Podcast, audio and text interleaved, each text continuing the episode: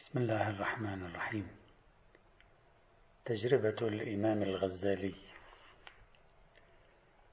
سأحاول اليوم أن أتحدث عن تجربة الإمام الغزالي وربما يضطرني الأمر إلى حلقة ثانية من الحديث عن الغزالي لاستكمال الموضوع واستخراج العبر. لدى الغزالي كتاب اسمه المنقذ من الضلال والموصل إلى ذي العزة والجلال. كتاب صغير جدا لا يتجاوز خمسين صفحة أقل أو أكثر قليلا. في هذا الكتاب يحدثنا الغزالي فيما يحدثنا عن رحلته في طلب الحقيقة. وفي الوصول إلى اليقين. يحدثنا عن تجربة من الجميل أن نتعرف عليها ونحاول أن نستخلص العبر منها. ليس لأن الغزالي قوله أو تجربته حجة علينا بل لأن الإنسان يحاول أن يستفيد من تجارب البشر سواء اتفق معهم في كل آرائهم أم اختلف. في الأقسام الأخيرة من هذا الكتاب يعقد الغزالي عنوانا وهو القول في طرق الصوفية. نعرف جميعا أن الغزالي كان إماما عظيما من أئمة الشافعية وكان واحدا من كبار متكلمي الأشاعرة. وفي الوقت عينه كان أحد الباحثين النقاد الكبار للفلسفة الإسلامية. ومساهماته في العلوم الشرعية كبيرة جدا.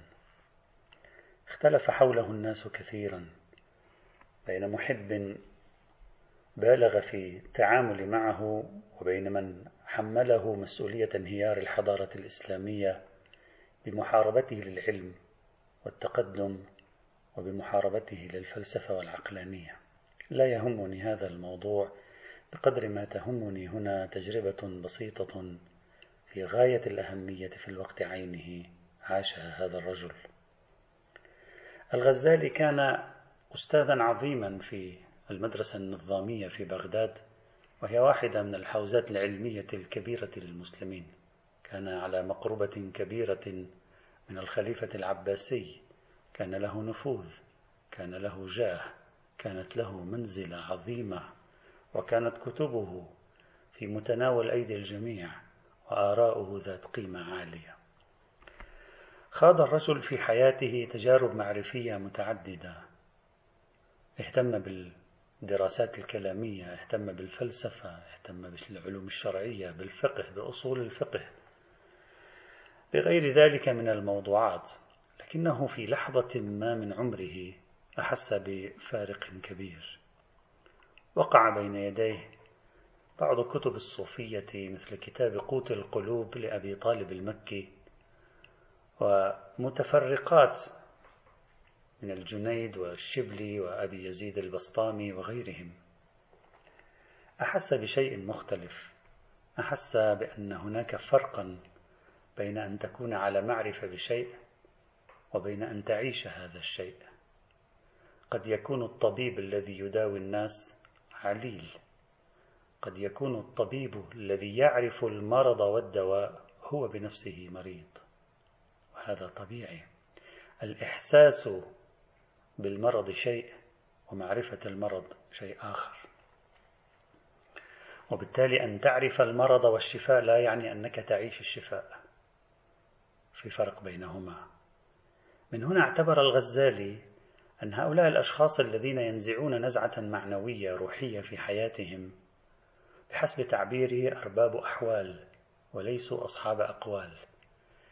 لا يهمه منهم ما قالوا لا يهمه ما أفاضوا من معلومات وثقافات وأفكار بل يهمه الحالة التي عاشوها التجربة المعنوية التي عاشوها أكثر من أي شيء آخر. يركز الغزالي هنا على مفردتي الذوق السلوك.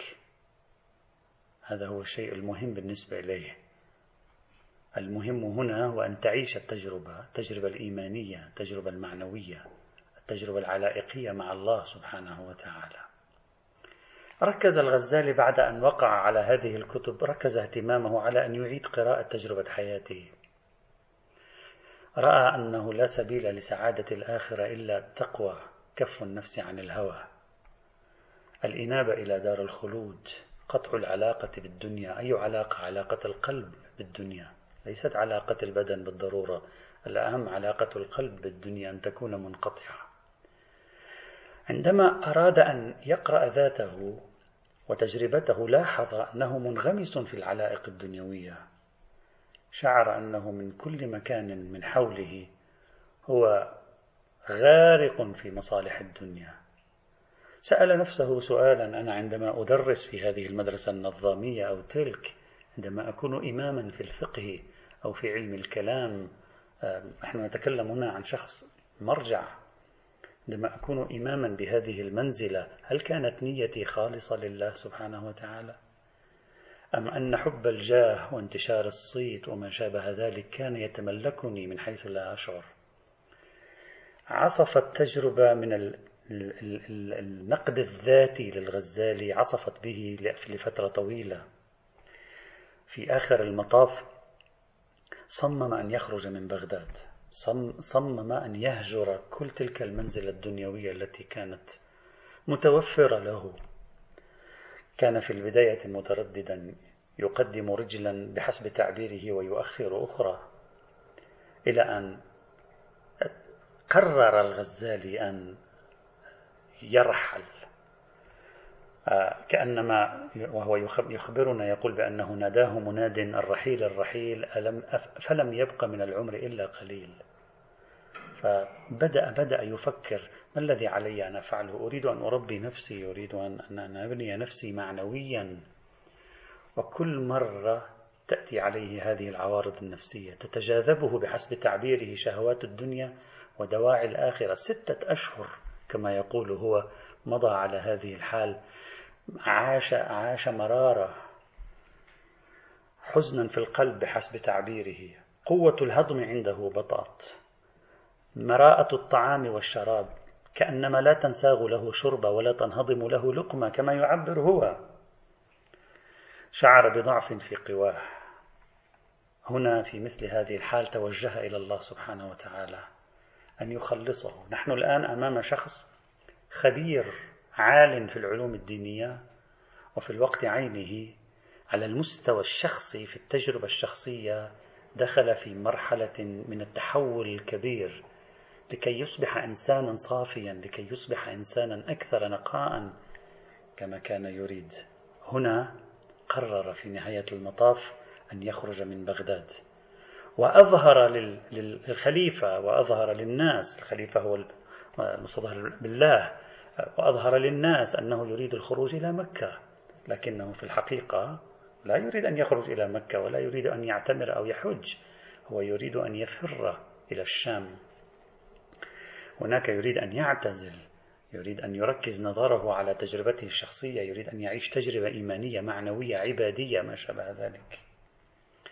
الغزالي في هذه التجربة فارق بغداد بالفعل. لم يأخذ معه إلا مقدار الكفاف. دخل الشام بقي في الشام لمدة سنتين. لا شيء هناك يشغله كما يخبرنا إلا العزلة الخلوة الرياضة والمجاهدة الاشتغال بتزكية نفسه بتهذيب أخلاقه بتصفية قلبه لذكر الله سبحانه وتعالى. أراد أن يطبق ما قرأه في التصوف. كان يعتكف مدة في مسجد دمشق مرة يصعد إلى منارة المسجد يبقى هناك طوال النهار يغلق الباب على نفسه. بعد دمشق رحل إلى بيت المقدس كان يدخل كل يوم إلى الصخرة ويغلق الباب على نفسه.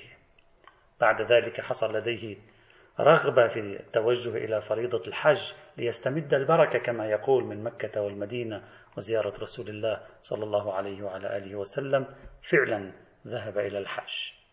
استمر على هذه الحال من العزلة والخلوة والتربية الذاتية مقدار عشر سنوات.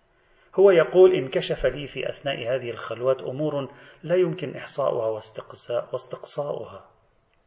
عرف أن طريقة السالكين إلى الله هي أفضل طريقة. سيرتهم أحسن السيرة. أخلاقهم أفضل الأخلاق. طريقهم أصوب الطريق. هذا هذا كلامه. عرف أنهم جمعوا بين عقل العقلاء وحكمة الحكماء وعلم الواقفين على أسرار الشرع من العلماء. غيروا حياتهم لم يعرفوا التغيير مارسوا التغيير لم يعرفوا الحق عاشوا الحق فأدركوا ما هو مقتبس من مشكاة النبوة كما يرى هو في مثل هذه الحال.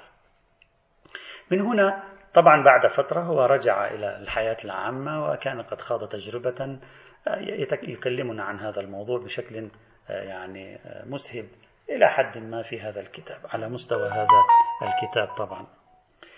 هنا أريد في هذه الكلمة أن أدرس الغزالي وتجربة الغزالي ما الذي يمكن أن نستفيده من هذه التجربة؟ الآن نحن عرضنا خلاصة تجربة الغزالي شخص كان في قمة الجاه والمكانة والمنزلة الدينية أيضا والدنيوية فجأة قرر لأجل صراع عميق في داخله طالبا الحقيقة وطالبا التطهر قرر أن يغير شيئا كبيرا في حياته.